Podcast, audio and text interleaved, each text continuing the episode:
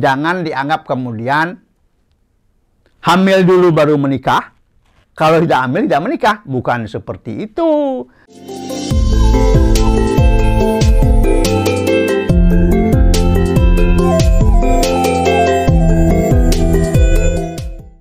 Om Swastiastu.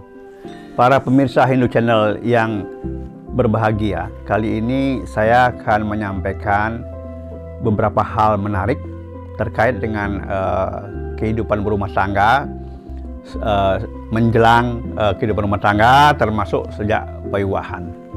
Ada empat kasus yang saya temui, ini kasus nyata ini yang saya temui dalam uh, perjalanan kehidupan ini terkait dengan pewahan. Yang pertama adalah uh, ketika dalam sebuah upacara, ya sebelum upacara dilaksanakan, sementara tamu-tamu sudah siap, kemudian uh, calon pengantin juga sudah siap, kemudian keluarga besar, kemudian uh, sang pemuput juga sudah siap.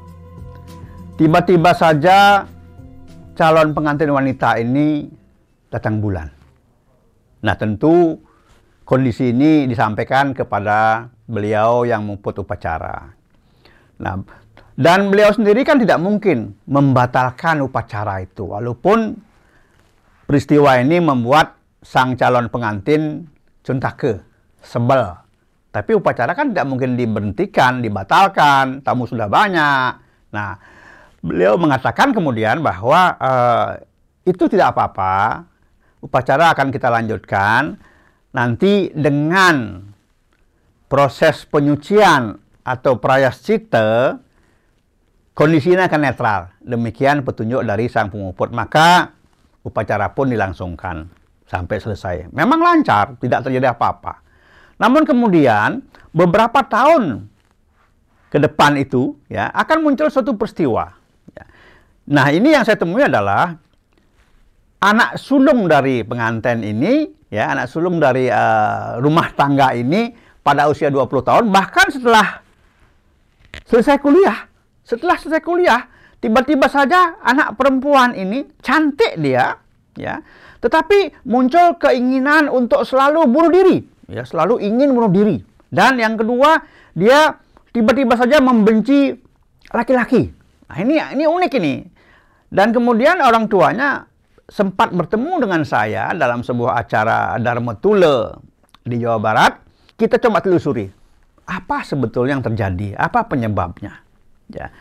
Uh, sesungguhnya kalau kita memahami sejak awal bahwa mungkin tiga atau empat hari setelah upacara payuhan itu, di mana uh, masa cuntake ini selesai, bisa dilakukan sebuah ritual kecil. Ya, mungkin hanya biakala ya. Mungkin hanya biakala atau prascita sekalian misalnya. Dan uh, cuntake itu akan hilang. Kalau ini kelihatannya cuntake terbawa terus sampai anaknya usia 20 tahun dan mengalami kondisi tadi ya jadi sebetulnya sejak tiga hari atau empat hari setelah payuhan bisa diselesaikan itu tidak akan muncul masalah nah akhirnya apa karena kemunculannya setelah sekian tahun lamanya kemudian ya kita melakukan upacara payuhan ulang, tapi sangat sederhana. Artinya tidak seluruh rangkaian upacara payuhan yang dulu dilakukan, ya tidak seperti itu. Dan kita ingin tahu apa benar setelah kita lakukan ritual kecil ini, kondisi si anak perempuan berubah dan nyatanya iya. Kalau tadinya dia sangat membenci laki-laki atau pria, dia juga selalu ingin bunuh diri, ternyata keinginan bunuh diri itu hilang sampai sekarang. Nah, itu yang pertama. Kasus kedua yang tidak kalah menariknya adalah mangku ya, seorang pemangku yang sudah upacara payuhan lebih dari 40 tahun. Bayangkan, lebih dari 40 tahun. Nah, sesuai jadwal acara payuhan itu yang akan dilakukan pagi jam 8. Jadi memang jam 8 itu tamu sudah banyak, keluarga besar sudah berkumpul, sesaji pun juga sudah siap. Ya. Nah, menunggu kehadiran sang pemuput yang cukup lama. Bayangkan, sang pemuput itu baru bisa hadir pukul 2 dini hari. Bayangkan sudah berapa jam itu? Berapa jam itu? 10 jam lebih ya. Baru bisa hadir jam 2. Sementara tamu sudah bubar. Sesaji juga sudah tidak tertata dengan baik lagi. Sementara calon pengantin juga sudah lelah, mengantuk, dan lain sebagainya. Jadi kondisi untuk melaksanakan sebuah upacara payuhan yang sesungguhnya merupakan upacara yang suci, jadi tidak lagi fokus. Namun demikian, toh upacara itu juga dilaksanakan. Tentu tidak ada yang salah, hanya ini masalah waktu. Tapi apakah betul kondisi yang seperti ini tidak memberikan dampak buruk? Nyatanya, setelah 40 tahun kemudian, di mana selama hidup berumah tangga banyak sekali permasalahan yang ada, dan tidak pernah ditelusuri apa yang terjadi, akhirnya muncullah setelah 40 tahun ini gambaran seperti tadi. Lalu apa solusinya? Ya, terpaksa dilakukan upacara pawiwahan ulang. Barulah ada perubahan kehidupan berumah tangga mereka. Ini yang kedua. Menarik memang. Ini yang kedua. Uh, yang ketiga, yang ketiga ini Begini, sepasang pengantin upacara payuwahannya dilaksanakan di Bali, di mana pengantin wanita ini tadinya berasal dari umat non Hindu, tapi sudah melalui proses Sudiwadani. Setelah, setelah itu payuwahan di Bali. Nah, dalam perjalanan menuju Jakarta, mereka mampir di Surabaya di rumah sang mertua yang non Hindu. Nah, kenapa? Karena rencananya sore itu sang mertua akan melaksanakan resepsi karena mungkin beliau tokoh ya. Ada kenduri lah istilahnya begitu, ada kenduri untuk anaknya ini. Pagi hari sepasang pengantin ini oleh sang mertua dibawa ke musola, dibawa ke rumah ibadah non-Hindu. Di sana mereka dilakukan upacara pernikahan secara agama non-Hindu ini. Nah, ini unik. Kemudian sorenya barulah dilaksanakan resepsi. Semuanya berjalan lancar. Kemudian mereka melanjutkan perjalanan ke Jakarta tidak terjadi apa-apa, tetapi ketika mereka sudah punya anak dua orang laki-laki, mulai terjadi hal-hal yang rawan terhadap dua anak ini. Seringkali anak-anak ini mengalami kondisi yang membahayakan keselamatannya. Misalnya, pernah sekali waktu hampir ketabrak mobil, hampir ditabrak motor, hampir jatuh ke kali, hampir tenggelam. Nah, Lalu apa? Untungnya mereka selalu diselamatkan oleh sang ibu. Selalu diselamatkan oleh sang ibu. Nah, kemudian satu hari dicoba untuk ditelusuri. Sebetulnya tidak khusus ditelusuri masalah ini ya, masalah lain. Tapi kemudian muncullah masalah ini. Ternyata payuhan-payuhan Payuhan yang dilakukan di Bali dan pernikahan yang dilakukan di Surabaya itu dua-duanya gagal. Artinya apa? Saling menggagalkan. Jadi kalau ada orang mengatakan, wah yang penting payuhan secara Hindu dulu. Yang belakangan silahkan saja. Nanti kan Hindu yang menang. Tidak ada begitu. Atau sebaliknya, yang penting yang terakhir saja. Biarkan sekarang kita menikah secara non-Hindu. Nanti setelah ke Bali, kita menikah secara Hindu. Hindu yang terakhir, Hindu yang menang. Tidak juga. Ternyata yang namanya upacara payuhan, upacara pernikahan mempunyai kekuatan spirit yang sama. Dua kali melakukan upacara seperti yang saya jelaskan tadi, itu akhirnya dua-duanya batal. Luar biasa. Batal, lalu bagaimana dampaknya? Jadi anak-anak yang dua itu, yang lahir dan tumbuh itu, seolah-olah lahir dan tumbuh dari pernikahan yang tidak terjadi, pernikahan yang tidak sah. Nah ini akhirnya mereka men menerima dampak itu. Lalu apa solusinya? Ya, seperti yang kasus sebelumnya, kita ulang lagi pewahan secara Hindu. Ya, kita ulang lagi, baru menyelesaikan masalah sehingga anak-anak sekarang sudah dewasa dan mereka lancar-lancar saja dalam kehidupannya.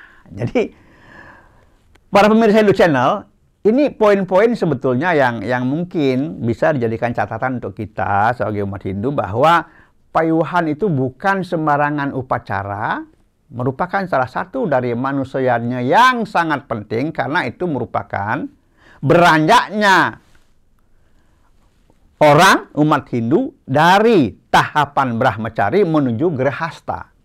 Ya, menuju kehidupan berumah tangga. Ini penting sekali. Karena apa?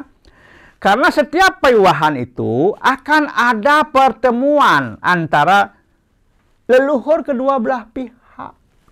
Jadi ada pertemuan antara leluhur kedua belah pihak dan mereka entah apa yang dibicarakan, kemudian mereka salam-salaman misalnya, maka rumah tangga itu katakanlah direstui oleh leluhur kedua belah pihak. Nah ini, ini yang penting menjadi catatan kita ya. Ini penting sekali menjadi catatan kita. Kemudian yang yang yang tidak kalah pentingnya lagi, ya tidak kalah penting dan sekarang menjadi tren ini, menjadi tren. Nah, perlu kita perhatikan semua, khususnya para orang tua dan juga para anak muda ini, jangan menggampangkan ya.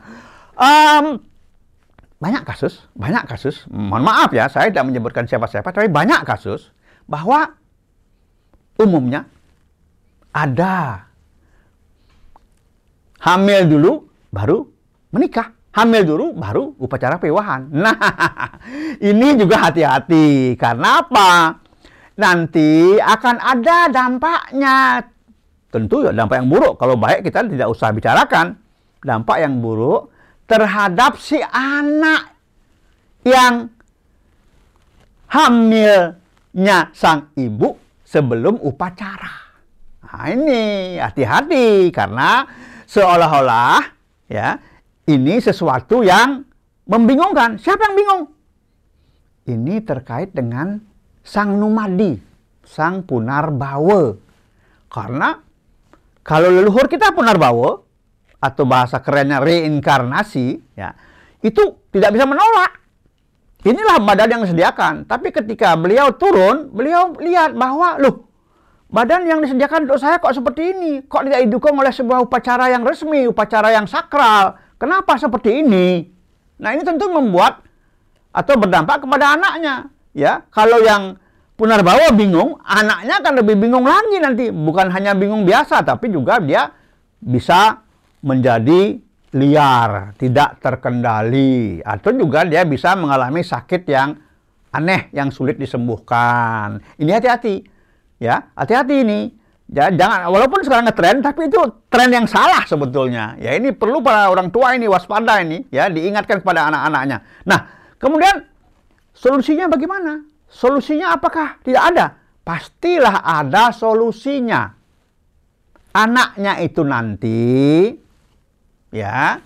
Harus dilakukan upacara misalnya pada saat tiga bulan misalnya sekalian ya nanti usia usia sang bayi tiga bulan dilakukan upacara permakluman. Atau di Bali dikenal dengan nama pras dipras dipermaklumkan bahwa si anak ini memang anaknya sang pengantin ini anaknya sang suami istri ini memang mereka anaknya. Jadi ada permakluman di sana kepada alam bahwa anak ini memang anak kami seperti itu. Sehingga dia tidak merasa asing dan sang punarbawa juga akan memahami bahwa oh iya saya mendapatkan badan yang sudah diperbaiki dan sudah bagus sekarang. Seperti itu ya. Jadi Bapak Ibu sekalian para ibu yang memiliki anak-anak eh, pria ataupun perempuan yang siap untuk menikah, tolong ini jangan dianggap remeh. Jangan dianggap kemudian hamil dulu baru menikah. Kalau tidak hamil tidak menikah, bukan seperti itu. Tapi hati-hati karena di sini atau dalam setiap upacara pawiwahan itu melibatkan leluhur kedua belah pihak. Jadi kehidupan sebuah rumah tangga melalui upacara keagamaan yang sah itu juga menjadi tanggung jawab leluhur kedua belah pihak. Bukan hanya leluhur laki-laki atau leluhur perempuan, tapi kedua belah pihak. Makanya dikatakan bahwa pernikahan, perkawinan atau payuhan ini merupakan sebuah upacara suci yang tidak hanya bersifat fisik atau skala, tapi juga bersifat metafisik atau niskala. Jadi setiap upacara payuhan itu akan menyentuh alam niskala, melibatkan para leluhur. Karena itu merupakan juga bagian dari yang saya katakan tadi, tanggung jawab mereka. Jadi Bapak Ibu sekalian, para pemirsa Hindu Channel yang saya hormati, mohon ini diperhatikan atau direnungkan dulu sehingga kalau kita semua sayang kepada keturunan kita jangan biarkan kejadian-kejadian seperti ini maksud saya kejadian hamil sebelum pawiwahan dibiarkan. Bahkan janganlah kita mendorong-dorong supaya mereka hamil dulu dengan dengan dengan eh, bahasa ringannya supaya ada hasil dulu baru kawin baru pawiwahan. Itu salah dan berdampak buruk kepada keturunan kita. Jadi hendaknya penyampaian ini bisa bermanfaat untuk seluruh pemirsa Hindu Channel yang berbahagia. Demikian yang bisa saya sampaikan saat ini. Semoga bermanfaat dan saya mohon maaf kurang lebihnya. Saya akhiri dengan Paramasanti. Om Santi Santi Santi. Om Matur Suksema.